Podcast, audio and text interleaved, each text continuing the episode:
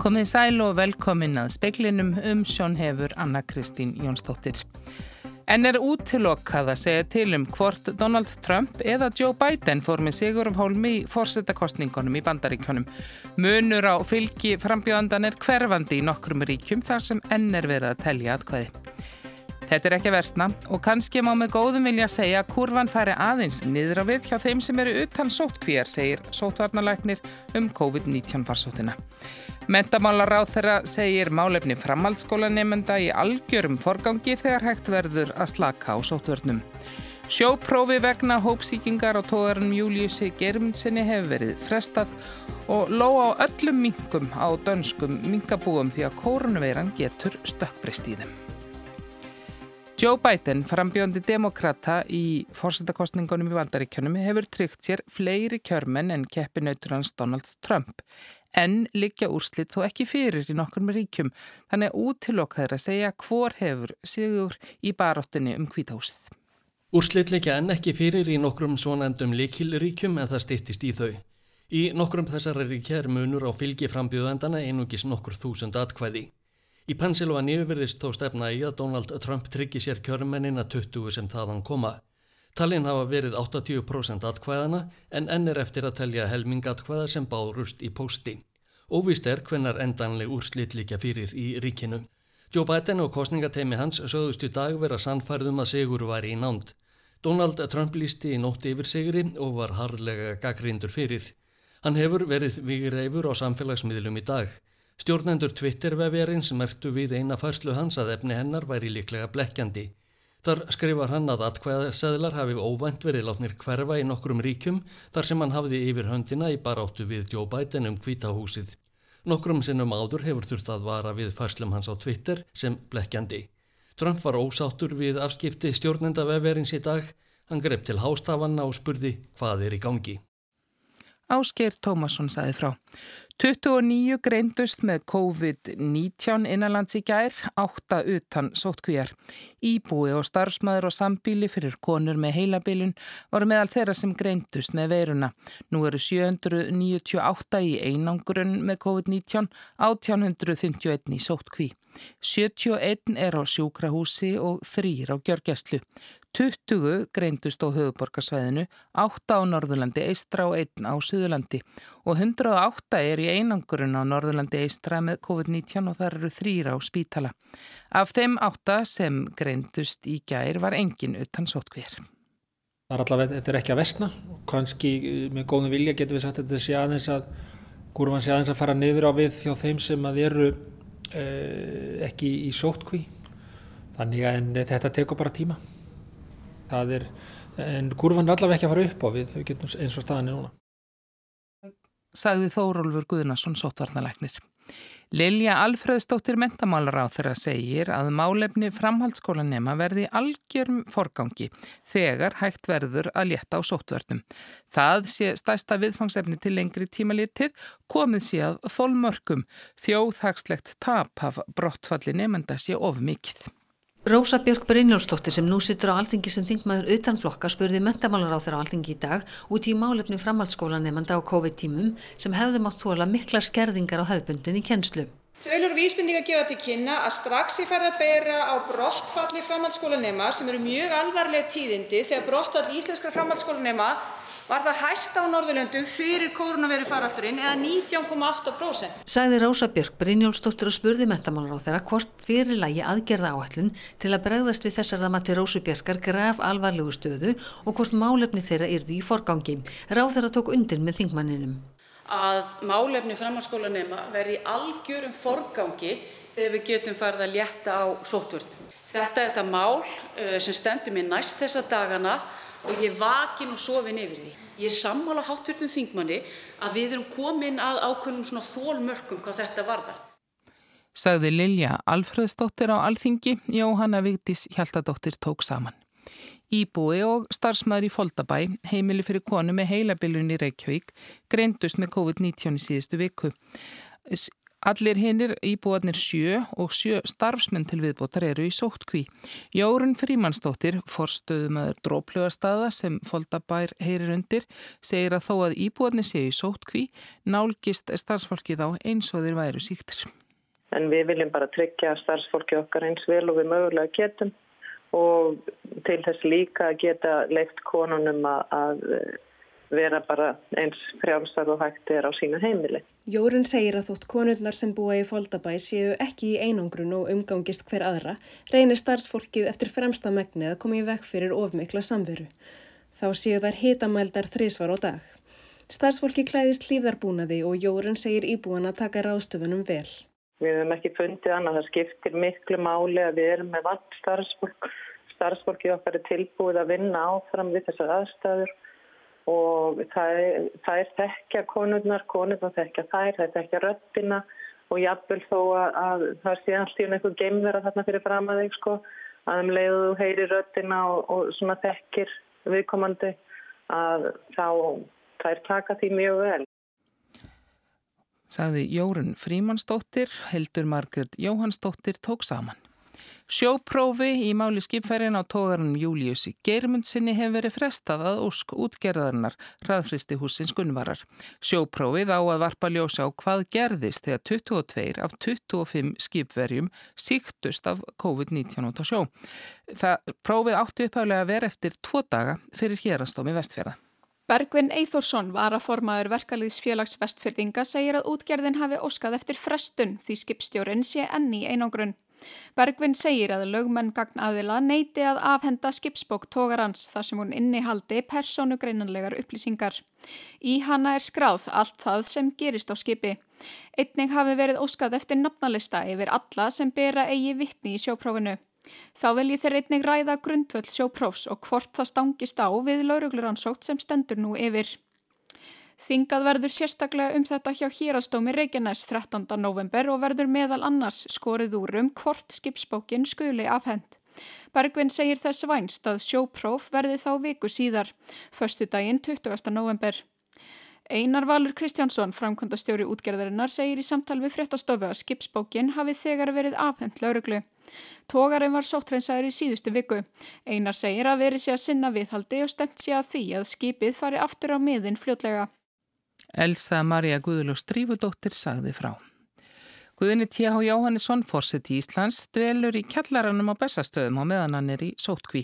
Hann stitti sér stundir með netskrabli og lestri og sinnir störfum sínu með tölvutakni.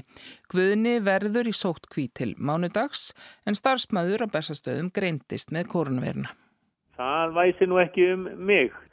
Við búum það vel hér við fjölskyldan að hér er kjallari sem Ég gisti bara núna í og hér eru herbergi og salerni og eldúskrókur þannig að ég þurfti ekki að fara af heimilinu og kvarta alls ekki.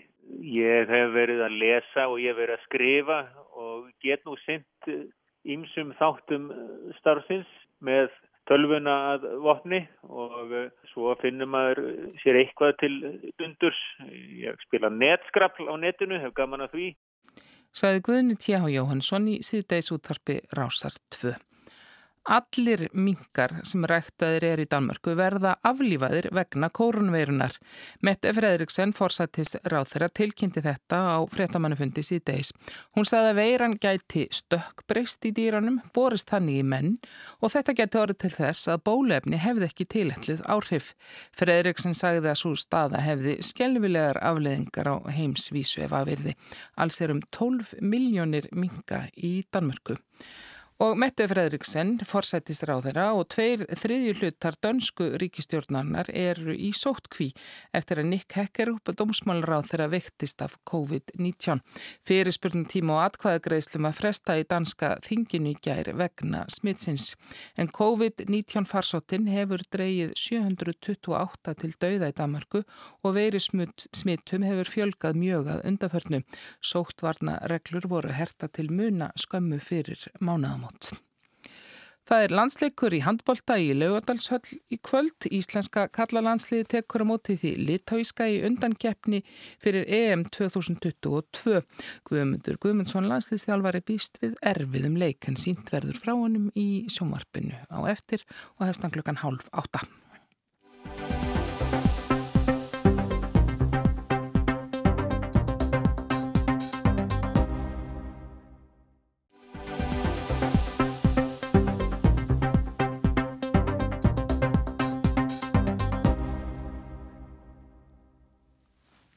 Það var kjördagur í bandaríkjunum í gær, nóttin leið og dagurinn langt kominn, menn telja og telja og það er enn ekki fulljóst hver verður fórseti bandaríkjana næstu fjögur árin. Þó að ímislegt bendi til þess að Joe Biden sé að mjakast fram úr Donald Trump í ríkjum þar sem enn er ekki full talið og ekki vita hver reppir kjör mennina. Hallar Hundlógadóttir, stjórnmálafræðingur, stýrir miðstöð Norðurslóða við Harvards áskóla í Massachusetts og fylgist vel með bandarískum stjórnmálum. Halla, það var nú reynda við búið að niðurstaðin er það ekki ljós strax. Nei, þetta er auðvitað búið að vera allt öðruvísi kostningaborta og, og hérna kjörsokk verið öðruvísi en áður vegna COVID.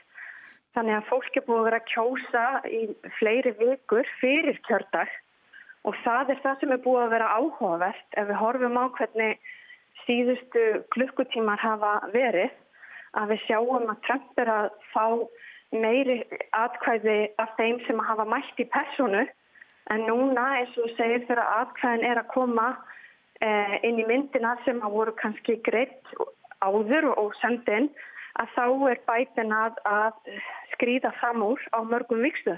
Mm. En það vekur kannski sérstaklega aðtekli að það stefnir í sko, met kjörsókn sem að maður hefur kannski ekki haldið á farsáttar tímu. Já, vissulega er það ánægulegt fyrir bandaríkinn almennt að, að kjörsókn sé svona góð og það kannski skýrist einhver leiti eh, af því hversu pólariseruð umræðan hefur verið að undarfarnu og hversu sterkar skoðanir uh, þessar ólíku fylkingar hafa.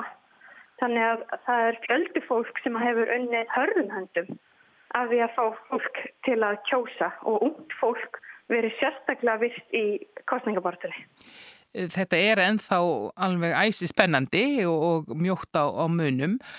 Sumum, sumur tældu það að kannanir hefði bent til þess að það erði meiri munur og forskot bætens erði meira og meira afgerandi.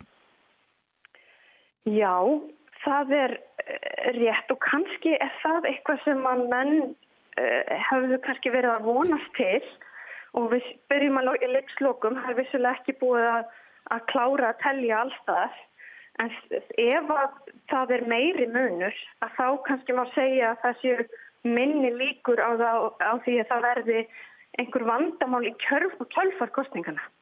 Þannig að, að það sé auðveldra fyrir þann sem stendur uppi sem síguvegari að vera í rauninni augljós síguvegari og geta haldið áfram um, án þess að það sé verið að festast í átökum eða deilumálum tengt einstakar fylgjum.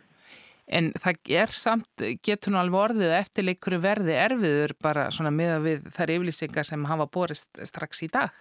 Vissulega eru orð Trump og ræða hans frá því eh, í nótt eh, bendir til að það verði, jú, einhverjir eftirmálar í Pennsylvania sem hefur verið þetta líkil ríki í þessum kostningum. En hins vegar má kannski segja eins og svo að Uh, ef að uh, mál þróast hannig eins og við verðumst verið að sjá að uh, bætin er að vinna önnur fylki og nógu mörg fylki til að þetta mun ekki standa og falla með Pennsylvania að þá sé, verða minni líkur og að slík deilum að hafa einhverju afgjörandi afstöðu. En það er hins vegar kannski hvað kostingarna varða. Auðvitað hefur maður ágjör að því hvort að verði eftirmálar í formi einhvers konar átaka eða óerða tengdum nýðustofunum hvernig sem fer. Það hefur tölvöld verið talað um það í þessum kostningum hafi eða og menn kannski byggust líka við því hafi menn verið að kjósa með eða móti Trump, kannski frekar heldur en verið að kjósa bæten en er hægt að gera það í skóna svona í ljósi þess að munurinn náði með að það hefur verið svona saksað á forskot bætens að það séu efnagsmálinn sem að hafa ráði hvað mestu þegar mann koma að því að kjósa? Það má kannski segja sem svo að við horfum á þessar útgangusbár sem voru örðuljósar í, í nótt að kjósendur Trump voru eins og segir meira hallast að efnagsmálum og öryggismálum en Biden það voru máli eins og, eins og ójabrætti tengt rasisma og koronavírusin sem að fekk mun meira vægi. Uh, og almennt ef við horfum kannski á svona púlíuna fólk í útkverfum og dreifbili var meira að, að kjósa Trump en Biden aftur uh, á meira fylgi í seppili. En svo er það auðvitað alltaf hver sem eða hvort þeirra sem verður kosin mun við komandi takast að verða já, fórseti allra þjóðarinnar. Vonandi, segi ég bara. Ég held að það sé auðvitað eins og segir stóra spurningin og, og, og verður megin verkefni næsta fórseta er að ná utan þjóðina og ná einhvern veginn að, að, að, að leiða hana út úr þeim ógöngum sem tengjast koronavírusnum byggja upp hagkerfið og svo framvegis. Þannig að, að sama hvernig þetta fer, að þá skiptir það líkilmáli. Þakkaði fyrir þetta Halla Hrund Lóadóttir. Takk.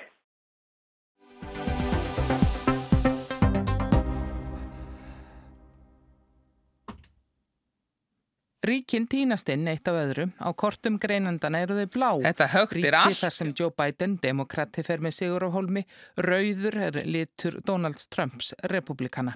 Eitt þeirra ríkja sem er rúbín rautt á kortunum er Kansas. Þar Sigur á Trump og fær sex kjörmenn. Öldungadeildar þingmenn ríkisins eru báðir republikanar en ríkistjórn er demokrati. Þórður Pálsson býr í Kansas, hefur endar búið í bandaríkjunum um áratuga skeið. Í Kansas líkt og við víða annar staðar byggum enn sig undir átök á kjördegi og kostninganótt sem blessunulega varð ekki af. En hér, hér í nýbæn byrja allt upp og, og hérna, öllu lóta og menn bara búast upp í vestar. Sko. Hefur þér sjálfum verið órótt? Já, ég var það nú um daginn hefði óvart inn í svona ralli það sem voru með á trukkonum sínum með fánana og flöytandi og, og voru með svona það dólkslæti bara. Og það fannst mér ég hef bara aldrei fengið þá tilfinningu áður að að upplega þetta bara eins og sko eins og mína sýstar sko Trump ádygga stuðningsmenn í Kansas en Þórður segir að þeir byrtist alla jafn ekki með svo áberandi hætti. Helst að þeir komi fram á þessum stóru fundum sem fórsetin hefur staðið fyrir. Í hverfi því sem hann býr finnst honum sem menn hafi verið feimnari enn í fyrri kostningum og gildir það jamt um republikana og demokrata að stilla út skiltum við húsín til að lýsa yfir hotlustu við frambjöðandur. Svo sé það nú alltaf þannig að þetta sé misjamt milli hverfa og þannig hafi það verið fyrra á árunu. Þá voru róstur í miðborg borginni en ekki í útkverfunum og enn er óvist um úrslitt kostningana. Ég þá sérstaklega eftir í nótt eða í morgun þá tilkynnti Trumpa að hann var í sigurvegari og núna er þetta bara búið en það er svona, það er náttúrulega setið ítt blóð í, demokrata þegar hann er búin að tilkynna sig í sigurvegara. Það getur tekið alveg fram á eins og gerðist árið 2000 í, í Flórida í kostninguna þá. Jóst fyrir bara til en desember sko. Það er ekki fyrsta skipti sem er já, spennandi kostningar og óljós úrslit í, í fórsættakostningum í bandarík Mjög svo.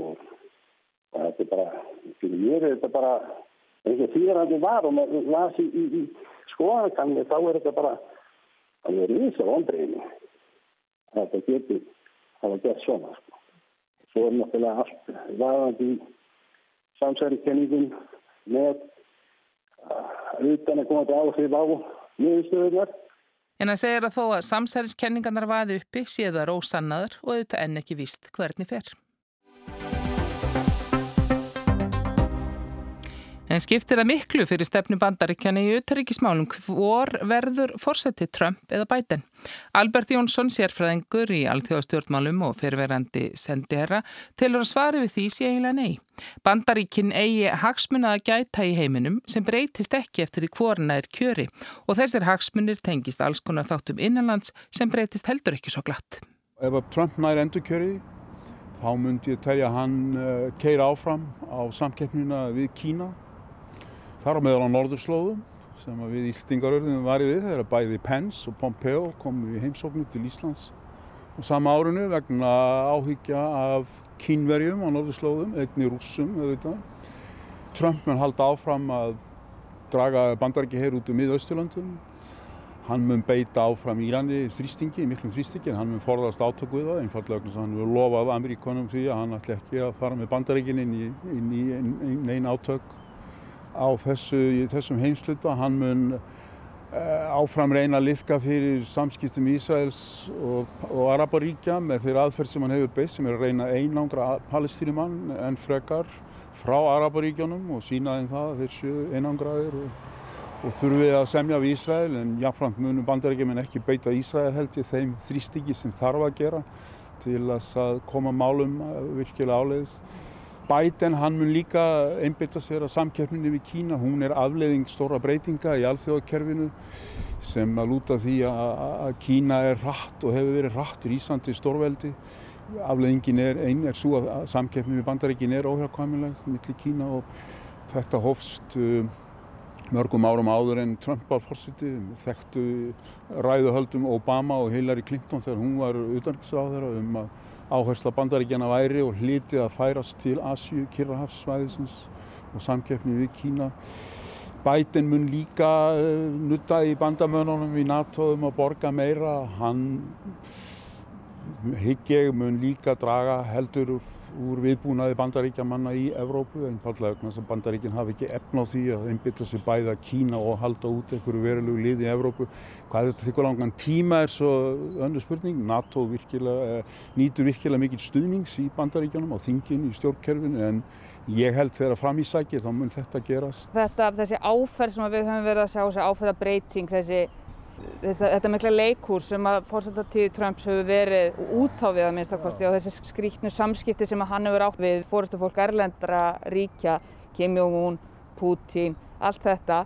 Það er kannski bara miklu meira á yfirborðinu einhver breyting heldur en nokkuð annað eða hvað? Já, áferðinu auðvitað mun breytast. Ég er alveg samfarður um það og, og, og Biden hefur talað mikið um það ef hann verði fórsýttið þá mun hann svo sannlega breyta áferðinu og, og framkomunni og það mun ábyggilega gerast en enn og aftur hagsmunirnir breytast ekki og uh, tökum bara samskiptum við Rúsland til dæmis, þau hafa nú mjög sérstök áferð á þeim og kaplum uh, hvað Trump uh, varðaði eða hefur varðað. En ágreiningunum Rúsa snýst um áhrifasvæði Rúsa sem nærti fyrirverandi Sovjetlíðvild og har á meðal Úkrænu Rúsa muni ekki gefa það eftir og NATO-ríkin muni ekki hafa frekar en hinga til vilja til þess að nekja þeim ítökum Norður Kórea, þeir munu ekki láta kjarnavopnin af hendi. Ef þú ert í skammakróknum hjá ja, moldugum aðilum og, og bandaríkjónum og öðrum stórveldum og átt kjarnavopn, þá þú lætur þau ekki af hendi. Þú, þú bara skoða söguna og kemst að því að kjarnavopn eru þess aðlis að veita þeir heilmikil völd og mikið skjól ef þú telur þið þurfa það og ég held nú að stjórnvöldi í Norður Kóru sem er þalvar hrein og þau þurfu skjól frá bandaríkjónum og, og fleirum Síðan eru náttúrulega lofslagsmálinn sem er áhugaverð. Biden hefur sagst hann muni, ég held bara dæn eftir að hann yrði fórsiti, þá myndi hann fara með bandaríkinn aftur í, Parísasamningin um lofslagsmál. Það mun breyta heil miklu, það, munar um trukkið sem kæmi þá frá bandaríkjónum. En lofslagsmál verða áfram mjög umdeilt politist og, eldfim í bandaríkjónu sjálfum og reyndar víðar og Pæsarsamningurinn, það er ymsir veikleikar sem há honum og þannig að það verður ekki held í jafn auðvelt og kannski margum myndi halda þó að bandaríkjum skilir sér aftur í Parísarsamningin en, en þetta er þetta stort mál sem að Biden hefur talað um með allt öðrum hætti en Trump. Þannig að við munum sjá breytingu þar. Það er kannski ekki jafn mikil polarisering og maður heldur. Þetta séu bara þessar tvær andstæður Biden og Trump og það muni kollvarpa öllu varðandi eins, eins og þú segir, til dæmis loftsvarsmálun og hvort að þau hætti þá bara allt í hún að vera umdelt ef að bætið verður fórseti. En það eru þekkti sérfræðingar í bandaríkjónum sem myndu reyndar halda því fram að uh, verði bætinn fórseti þá munir menn fara aftur til þeirra eins og þessi sérfræðingar sem eru kendið við raunsæðishyggju í fræðunum sem þessi sérfræðingar segði séu afskipta semi sem að bandaríkin, til dæmis í miðausturlöndum, sem bandaríkjamenni er að forðast og kenna demokrautum um að, hafa verið í farabróti í slíkum afskiptum þannig að sumi myndu segja að, ef að bæti verið fórsiti þá munu menn fara aftur til slíkra íhlutunar og afskipta stefnu bandaríkjana í heimsmálunum sem að Trump hafi eh, dreigið verulega úr. Það er áhugaverðið vingur. Já, þannig að Trump hafi haft allt rólegt kring, í kringu sig svona í, í hennum stóra heimi þá var allt vittlust einhvern veginn kannski innanlands en það er eins og segir, ef að, ef að Biden er þið fórsetið þá munir þau svona kannski já, láta, láta meira að sig hveða erlendir. Já, myndur margur halda, eða eins og ég segi, þessi tilteknum sérfræðingar myndur halda því fram að, að stefna bandaríkjana verði ekki eins friðsöm eins og, eins og tímum, tímum Trumps en, en þetta er svona áhugaverðu vingill eins og ég segi.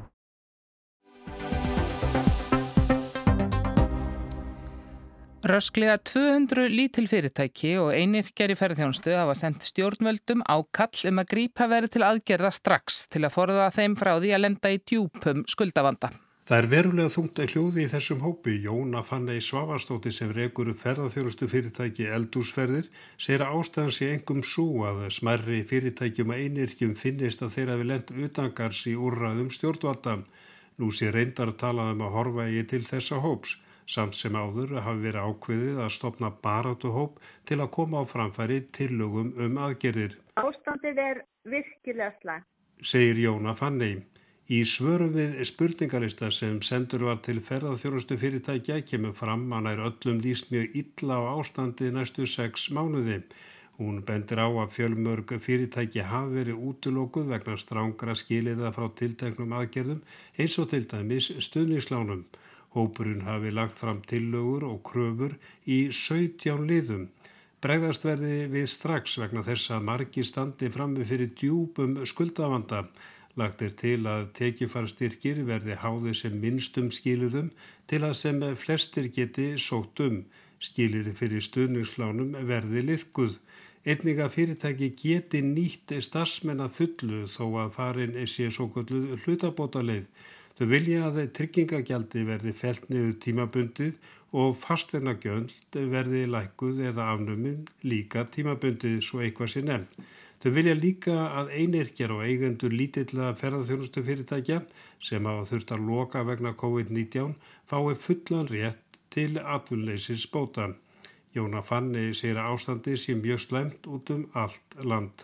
Og það sem að mér finnst svolítið sorglegt er það að, hérna, að stjórnvöld hafi ekki verið komin á stað til dæmis eins og með tekjufallstyrki eða eitthvað styrki sem að þá ekki snúa beint að launatættinum heldur rekstri fyrirtækjana að, að viðhalda fyrirtækinu.